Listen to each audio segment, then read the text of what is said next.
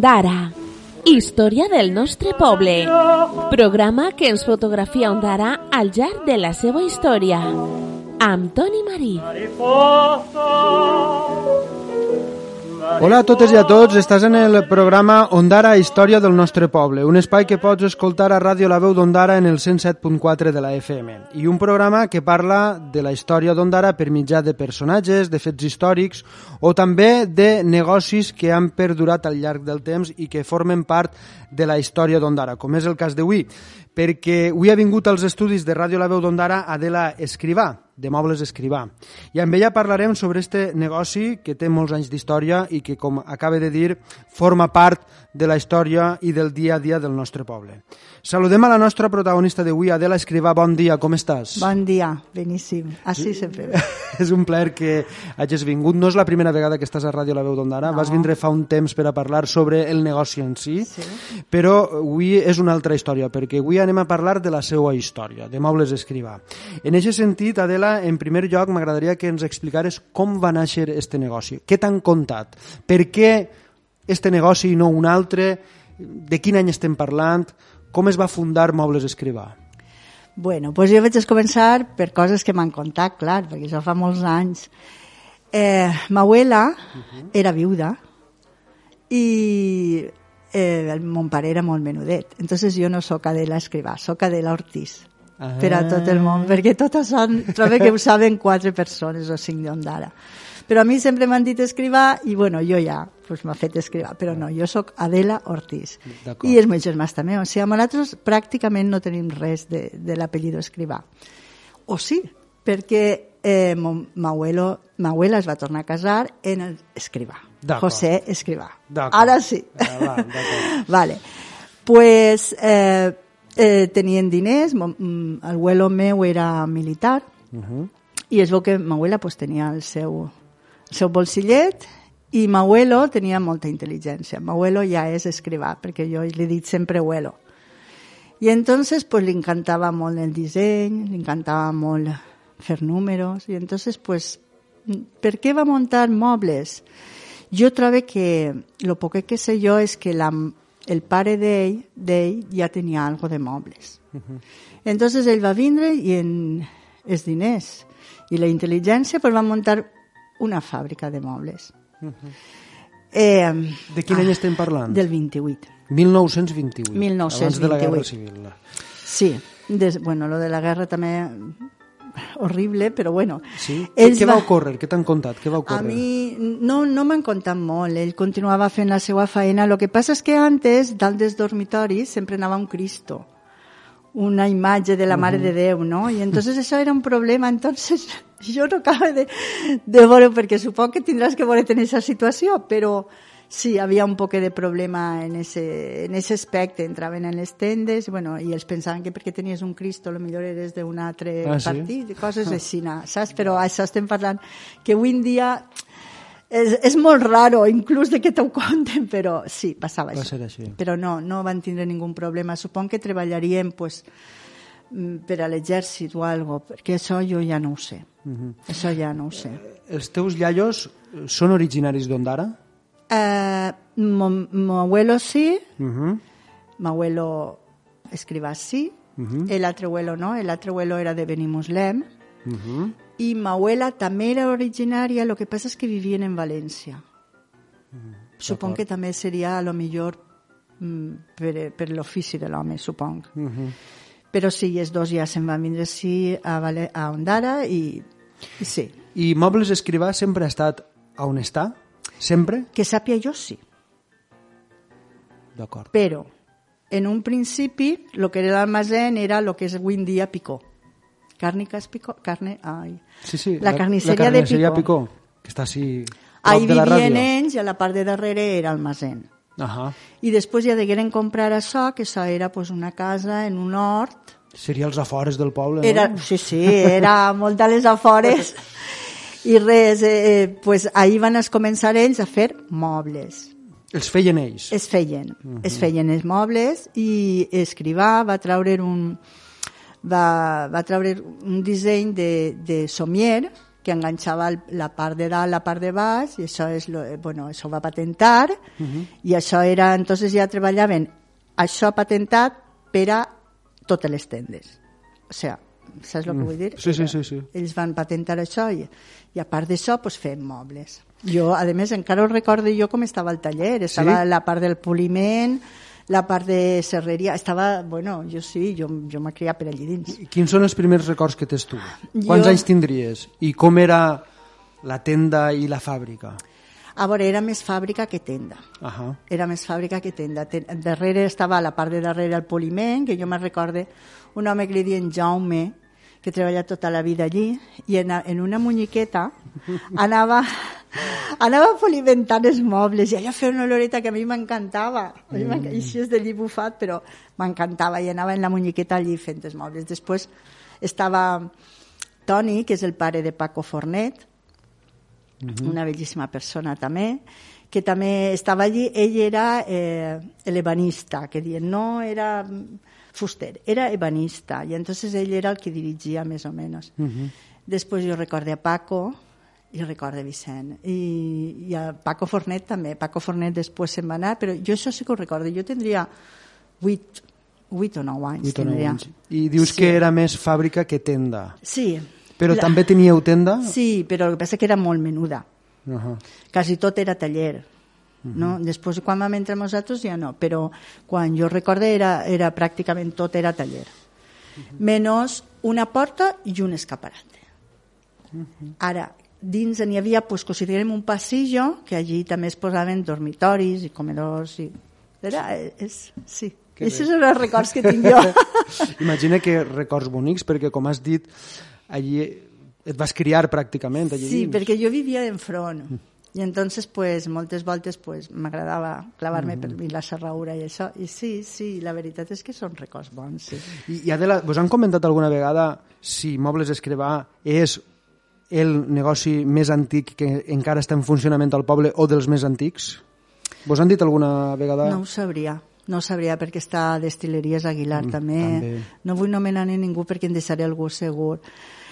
Però sí, jo... Dels més antics, el que de més segur que antic, sí, no? claro, yo entonces no, no podía ir per dins del poble com volia. Entonces lo que me recorde és Aguilar, perquè estava d'enfront, estava dins del meu barri, jo vivia d'enfront de la tenda, i mobles escrivà, i no, no recorde, allò ja era tot horts i tot, i per dins del poble no sé si n'hi havia... N'hi havia també algun almacén, ah sí, el de Pérez, Uh -huh. Que De les taronges. de les taronges o del raïm, que allò també era algo molt del poble. En després, eh, al costat de lo que era consum també havia un almacén, perles, les perles, i no recordem... O sigui, que estiga en actiu, Mobles Escrivà és dels negocis més antics en actiu. Podria Almenys- ser, almenys podria ser. Eh, De memòria, si estem memòria. equivocats, que algú que ens estigui algú que escoltant diga, perquè ens ho jo, diga. Jo, jo sóc mal per recordar. I, I Adela, com ha evolucionat el negoci? Perquè has comentat que després entreu vosaltres i el negoci canvia. Imagine que vos heu adaptat a les circumstàncies i al moment Sí. de cada, de cada etapa, no? Però com ha evolucionat el negoci? De com va començar a com és avui en dia? Bueno, pues uh, després de tot això ja es va fer tenda, uh -huh. però es va fer tenda ja estigué mon pare mon tio i m'abuelo, o sigui, no, uh -huh. ja va, del taller ja van a començar a fer més tenda. I per què? Per què creus que... Jo trobo que es van adaptar a la evolució, perquè així n'hi ha fàbriques grans, uh -huh. no? Entonces ells, eh, jo trobo que es van adaptar, hi havia moltes màquines, clar, comprar una màquina supon que seria, ja no era tan... Home, sí que era manual, per aquell entonces seria manual, però no era tan, tan manual, ja van començar les màquines i tal, i entonces ells es van quedar més com a tenda. Eh, tenien taller i tenda, el mateix que tenim ara, però a un nivell més menut. I t'han contat alguna vegada, Adela, quan tu eres xicoteta, quin tipus de clients eren els habituals? És a dir, era gent només del poble o era gent també de la comarca i de fora de la comarca? Perquè ara teniu clients de qualsevol lloc, però en aquella època els clients d'on eren? pues, hi ha coses molt curioses perquè a, a veure, la, la, la gent, els clients eren de la retoria uh -huh. i d'Ondara. Verger, Dènia i Ondara. de xàbia també, però menys. Entonces, clar, eh, per exemple, quan pujava la furgoneta pac amunt, per, a, per exemple, a Castells o a la Guar, o tot, tot Beniarbeig, tot, quan ven la furgoneta, com anava eh, en el nom, en seguida se'n baixaven en un pedido grandíssim d'allí. Claro, perquè la gent no podia baixar. Entonces, quan ven la furgoneta, era pues, com, quan puja el peix. sí, sí, sí. Ven la furgoneta de mobles escribans i de chico, que em fa falta un somiero, que em fa falta un colxó. I entonces se'n venien, pujaven, i després baixaven, això m'ho han contat, eh? Uh -huh. jo ahir no plegat. I després baixaven en pedido. Però sí, el client era, pues, sobretot, pues, de, de la retoria moltíssim, moltíssim. Uh -huh. I ja quan, a veure, si era una venda de casar-se, pues, ja fent el possible per baixar ells, uh -huh. per triar-se els mobles però quasi sempre pues, una caireta per l'habitació o un somier o un colxó pues, eh, se'n baixaven en pedido i després pujaven a altra volta. Molt bé, molt bé. Sí, sí. Adela, consideres que en aquell moment, quan es va donar el vot a que el negoci fora més tenda que fàbrica, creus que era necessari fer-ho? Sí, sí, jo pense que sí. Pense que si ells en, en la marca Gen van guanyar diners, segur, perquè era una cosa patentada, és molt, eh, era complicat, però era tot en base de, de número, i jo pense que sí, perquè no pots tenir un tipus de moble. Quan jo vaig entrar, farà 30, 32 anys, eh, la venda era molt fàcil, perquè era o clàssic o modern, i el clàssic era més bo que el modern, i en un comedor tenies aparador, vitrina, taula i caires, o llibreria, taula i caires. Al, en el dormitori pues, te n'anaves i era un llit i dos mesites i després tenies armaris de 4, 6, 5 i 6 portes. Y ya está, era súper fácil. Uh -huh. Entonces, claro, entonces tenías ya, comenzaban a haver molts estils. Entonces, una tenda, fàbrica, tants estils no. Van es començar a eixir les fàbriques de clàssic, les fàbriques de modern, les fàbriques més barates i les fàbriques de, de més madera. Uh -huh. Entonces és molt difícil que una fàbrica puga agarrar-ho tot. I entonces ells van decidir la venda i jo encantada, perquè a mi m'agrada més la venda que, que la fàbrica. Se te dona bé, per cert. Ei? és veritat, el meu és això. Estem entrevistant a Adela Escrivà o Adela Ortiz. Com vols que, tinc que igual, et diguen? Tinc igual, tots em coneixen. Mira, hi ha molta gent que quan jo vaig a... a quin nom posa? Dic Adela, Adela, i em diuen Adela Tu Ortiz. has de pensar, O tu Adela de- Escrivà, no? Perquè n'hi ha gent que em diu, no, no, tu no eres Escrivà, tu eres Ortiz. Dic, pues sí, però en ma casa ja pràcticament tenim igual, sí. Val. Aleshores estem entrevistant a Adela Ortiz o Adela Escrivà de Mobles Escrivà. Amb ella estem parlant sobre el negoci Mobles Escrivà, un dels negocis més antics del poble que encara està en actiu. I Adela, ens has parlat sobre l'evolució, com va néixer este negoci i, per exemple, què van opinar els teus iaios o els teus pares quan vosaltres també decidiu dedicar-vos al negoci? No, no, va ser un poc forçat. Va ser forçat? Ah, va, no, no, pensava jo, te, que... jo ah, te ho va. explico. Ah, Mon pare es va morir molt jove, Ahà. en 57 anys, era molt jove. Nosaltres estàvem treballant tots, els quatre, fora de la... Ah, fora, no en el Fora. negoci. D'acord, d'acord. I després pues, quedava Montío. Montío va veure gent jove i va dir, uf, gent jove i gent major junts, no. I entonces, pues, compra ben. Eh, o sea, era un poc forçat, no és que nosaltres la, la Ja. mereta i la... No, al final eh, tenien que decidir què fem. I nosaltres van decidir que, bueno, pues que eren quatre... Nosaltres, Pepe i jo sempre hem treballat en alimentació, imagina't el, Res a veure. el meu germà Fabio bodega i l'únic que treballava era Toni en taller. O sea que, i al final van decidir que, bueno, pues, ho agarraven. I t'has penedit d'aquesta No, decisió? no, no, no, a mi m'encanta. Jo sempre m'ha passat temps, m'agradava molt anar per, la, per dins la tenda. Jo quan mon pare portava un comedor xulada, he portat un comedor, jo anava a veure, a mi m'agrada, a mi m'agrada. Lo que passa és que no estava molt preparat. Entonces, pues bueno, després jo vaig fer dos anys de decoració, ja intentava pues, eh, estar en això, perquè jo estava en altres coses i els altres... Però ens va vindre bé una cosa, que després d'anys ho penses i dius, és de veres, nosaltres treballàvem per alimentació en Todo Todos, jo no sé, ja fa anys, Todo és que Todo, fa tants anys, meua. treballàvem en la, en la central. Ahà. Entonces en els supermercats començaven a fer moltíssima mm, com es diu, publicitat, Sí. moltíssima publicitat. I quan vam arribar als mobles, pues vam començar a fer moltíssima publicitat. I no ho feia ningú. Perquè el moble no, en aquell moment, eh, el sector del moble no feia publicitat, uh -huh. no sé, no, no, no estava en això. La publicitat es quedava per quatre o cinc coses. També estem parlant de fa 32 anys o tres, o més. I entonces pues nos va vindre molt bé, vam fer una publicitat del Punto Rojo, que algú se'n recordarà, venia una, un, dalt de la azotea havia un punt roig i després venia un helicòpter, bueno, coses d'eixes. Que... Ah, sí? sí jo no ho recordo, sí. això. Tu no, tu eres molt jove. de quin any estem parlant? Més o menys. Estem parlant, pues, eh, 99-2000. Ah, jo ja tenia sí. 23-24 anys. Ah, sí? Eh, eh. O sigui, que no sóc tan jove. No, més o menys, no, no eh, recordo 87, això. No, 2000 Anys... de què? El 90, el 90, perdona. 1990, el 90. Jo, jo tenia 14 sí, anys. era el 90, perquè va néixer la meva filla, me'n recordo ah. això. I, I res, i bueno, vam començar no a fer recordo. publicitat, eh, i no sé, m'ho vam agarrar molt, molt a bé, i vam començar a fer obra, i, ja, pues, eh, la gent volia veure i necessites molts metros i ahí està. A mi m'agradava la publicitat que fèieu i era veritat, jo crec que molta gent es quedava amb això quan dieu que eh, que con taller propio.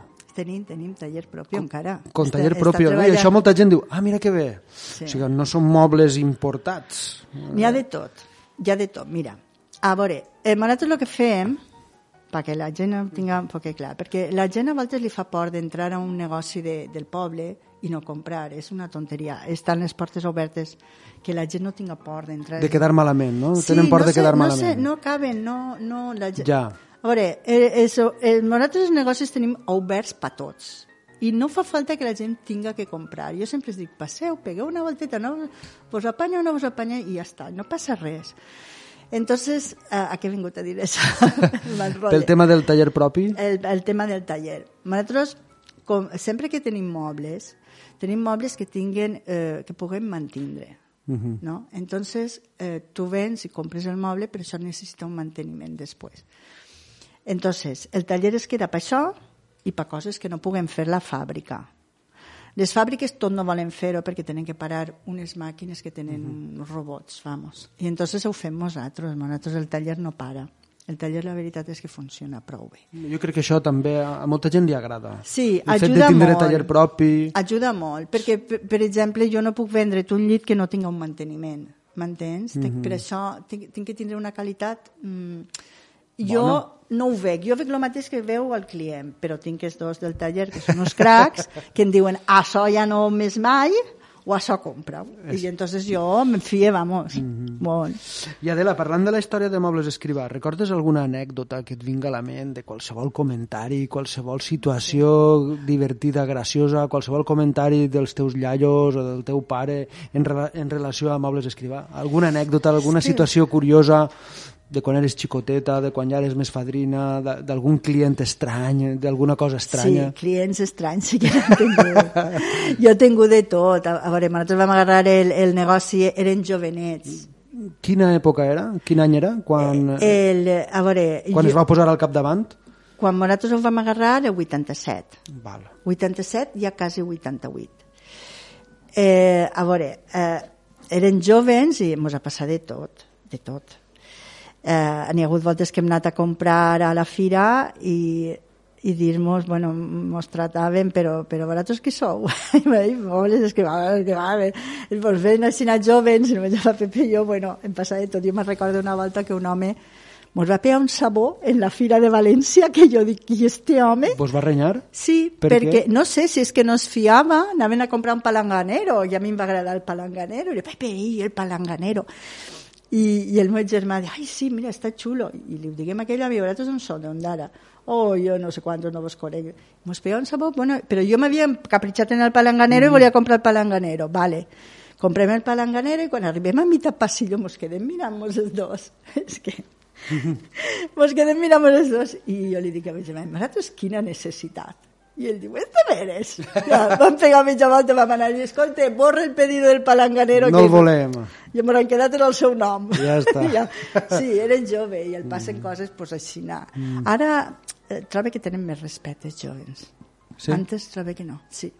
Jo penso que avui en dia la gent més major té més respecte mm -hmm. a, a la gent jove. Antes el ven encareta així i portant un negoci I era Com que no es fiaven, no? Era complicat, uh -huh. era complicat. Jo recorde que nosaltres li tenim que donar gràcies a un home que, que ens va, mos va ajudar molt, que és el senyor Minyana, uh -huh. que és del Banc de València, ell, ell ens va ajudar. Perquè era difícil, eh? El Minyana? Sí, ah, molt bé. sí ens va ajudar molt, molt, i jo sempre li, sempre li ho han tingut en compte. Sempre, tota la família, no? Però a ell, mm. perquè ens va ajudar. És que era difícil agarrar un negoci, mm -hmm. i sobretot un negoci pues, prou, prou ja. gran.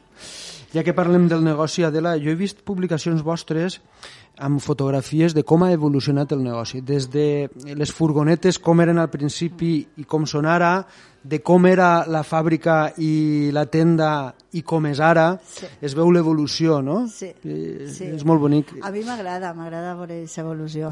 Sí. m'agrada posar Podríeu fer una exposició de fotografies perquè en tindreu algunes no del negoci. No crec que tenim no? tant, no. Eh, eh, ho hem buscat i tot, però no sé, han sigut un poc desastres en aquest en ese aspecte, no, no, no, però a mi m'agrada. Es veu l'estètica de cada moment, no? Dels sí, anys sí 80, dels anys 90, web, del segle XXI... En la web està, en la web està tot, tota l'evolució en fotos de tot. Això està molt xulo. I, i la veritat és que m'agrada i jo recordo perfectament jo, la, la primera foto que n'hi ha en la web jo la recordo com si fos l'altre dia quina és? És una que està la porta i un escaparate. Tot l'altre és taller uh -huh. i després n'hi ha un hort al costat que és el puesto que està el xaflant, la porta. Això era un hort. De quin any és aquesta foto? Aquesta foto serà de, a veure, 1900, pot ser del 1960, 70, per ahí, estarà. Per sí, ahí. i aquesta és la primera que, que jo, jo la recorde bé, uh -huh. la recorde bé. Adela, has comentat que vosaltres es poseu al capdavant del negoci cap al 1987, 1988. Si en aquell moment hagueren dit, mira, en el segle XXI Mm, tot serà de forma, o moltes de les coses seran online, estaràs molt mm, pensant a veure quin tipus de publicitat faig en xarxes socials per a veure si capta més gent. Què, què hagueres dit en aquell moment? No sé, jo... La veritat és que no tinc mai massa problema per això. Jo m'adapte, jo m'adapte molt. No, no, no he tingut de dir, ai, és que després allò... Ha anat adaptant-me, no? No tenim massa problema. Això està molt bé no, no veig jo que tinguem líos. Ara toca això, doncs ho fem. Però creus que va la cosa massa a pressa? És a dir, que els negocis heu d'adaptar-vos amb rapidesa cada un cert temps perquè ha eixit una cosa nova i si no estem ahí estem fora. Creus que es va massa a pressa? Es va molt a pressa, sí, es va molt a pressa, però és el que hi ha. Sí, sí. O sea, o... O t'espaviles, no? O t'adaptes o tanca perquè va molt a pressa i si perds un escaló tens que anar de dos en dos. No, no pots anar de dos en dos i portar un negoci. Tens que anar adaptant-te, és el que és. N'hi ha moltíssim, mira, per exemple, ens ajudem moltíssim. Jo estic en la Càmera de Comerç, Comercio el Mueble, estic en l'ACO, ens estan ajudant moltíssim a posar-nos al, al, al comerç menut, adaptar-nos a lo que hi ha. Ara ja depèn de la voluntat de cada un. Eh, també jo no puc parlar per ningú perquè nosaltres som quatre i mm, jo puc dir me'n vaig de cursets i em deixo dos allí o el meu germà me'n vaig a, a, a això i entonces jo no, no puc parlar pel, pel comerç menut perquè jo també ho entenc que són moltes hores, molta cansera. I al final pues, tots els comerços no som igual però tenim que anar adaptant-nos d'una manera o altra. Ja per últim, Adela, vosaltres heu viscut diferents crisis, hem mm. viscut ara i estem vivint encara la pandèmia, va haver una forta crisi cap al 2008, que va començar cap al 2008 i crec que va pegar més fort eh, cap al 2010. També va haver una crisi molt forta als anys 90, en el tema de la guerra del Golf, me'n recordo, jo era, jo era jovenet i mon pare ja em deia, estem en crisi. Jo no entenia res perquè, clar, jo tenia 13-14 anys i per a mi sí. la vida era anar a l'institut i jugar a futbol. Sí, que hi haguera crisi jo no m'enterava. No. Però heu viscut diferents crisis. Sí. I com heu afrontat aquestes crisis al llarg del temps? La veritat és que eh, han passat de tots els colors. A veure, la del 90 a nosaltres no ens va afectar tant. No per res, sinó perquè pràcticament acabaven d'agarrar el negoci i per o per B anàvem ampliant i no, no, la vam notar, però no va ser la que més. vale? Eixa crisi no, l'altra sí. L'altra sí, perquè ja estàvem parlant, de, no sé si n'eren 14 o 15 persones, Treballaven, 14 o 15 persones amb y vosaltres. entonces, clar, el problema era gran. Y pues, bueno, pues poquet a poquet tenies que passar a pagar finiquitos, perquè és una empresa familiar, no, no pots anar en eres i eros i tornes i... Uh -huh. A veure, jo sabia, per exemple, que la meva companyera se l'acabava de clavar en un piso, en una hipoteca, no sé quantos, i allò era com una família. Entonces tenies que anar... Pues, I prendre aquestes decisions eh, serien dures, no? De dir-li, mira, no puc... No, claro, no, no, No- no puc però tenies que pagar els finiquitos Sí, sí, i tenies sí, que sí. pagar-ho tot, perquè, però bueno, jo... Sí, però dir-li a aquesta persona, Sí, comunicar-li la complicat. decisió... Jo penso que un treballador també ho veu. És que no fa falta ni dir-lo res. O sigui, estic parlant d'empreses familiars. Empreses familiars tu veus el que hi ha. Quan guanyen, guanyen tots, i quan perd, perden tots. És que és així, no? No, no hi ha que parlar tant. A lo millor les coses es veuen molt. I entonces, pues bueno, esa crisi sí, perquè al final nos van quedar pues, des de sempre. I bueno, pues ho han passat mal. Sí, ho han passat molt mal. Però ahí esteu, Sí, sí, sí. des de l'any estem. 1928. Ahí estem, o mira, sigui que... que... hem agarrat la crisi per ensenyar-nos moltes coses, moltíssimes coses. Uh -huh. Van canviar tot el sistema de d'escaparates, eh, jo vaig anar a anglès, eh, vaig estar quatre anys a l'escola oficial, eh, després eh, màrqueting eh, di digital, bueno, jo, jo sóc anti, anti-ordenadors totals, bueno, i estic, est, ja quasi sóc una, una experta, o sea, que aprofites, aprofites, uh -huh. eh, segons Àlex Rovira, que a mi m'encanta, diu que crisi vol dir Oportunitat. oportunitat. Exacte, pues és ja que agarrar-la, ja està. Uh -huh. eh, però bueno, ara, ara estem bé. D'ací a 7 anys fareu 100 anys. 100 anys. Fareu Sí, alguna sí. cosa per a celebrar-ho? Home, sí que farem alguna no? Jo No, trobo que 100 s'ho mereix, mare no? Meva, un centenari. S'ho mereix, s'ho mereix. Això no ho celebra en qualsevol. En els 90 ja vaig posar en la fira, vaig fer l'àrbol genealògico i tot. Ah, sí? Sí, sí, en totes les fotos i tot. Sí, sempre fem algo, hi ha que fer algo. 100 anys eh, no es diu tots I els agrair dies. molt a, a... Nosaltres tenim moltes generacions que han vingut abuelos, pares, fills i nets. Ah, sí? A comprar sí, allí? Sí, sí, sí. L'altre dia en la fira vaig veure una dona, un xic que em diu ai, que xulo. I jo dic, ai, pues mira, ara va, vine. I em diu, diu, ai, tu coneixes molt la ma mare. I jo, mm, de pels noms, sóc un desastre. Dic, ai, sí, diu, sí, ma mare és una dona que va en caire de rodes i la portava mon pare. Jo dic, Déu, de gata? Perquè jo, i jo diu, sí, te'n recordes? Dic, sí, home, no n'hi ha molt. I, i li diu, pues mira, la mare de ma mare ja el va comprar i això bueno, tot alegra moltíssim. Sí, sí, sí. Això significa que treballeu bé. És a dir, que si la mare en aquell moment li ha parlat bé, ves a Sí. aquesta tenda de mobles perquè... sí. ahir, I no? ells Vull mos van dir, i el xic em va dir, diu, tinc que anar, jo no puc ser Una excepció. Una, una excepció. Molt bé.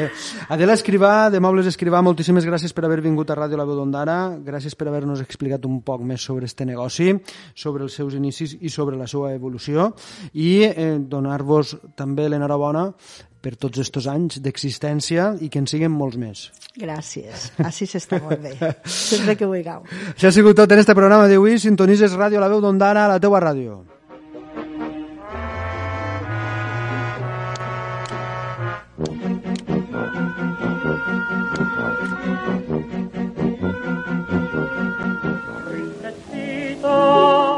Ondara. Història del nostre poble. Amb Toni Marí. respirabio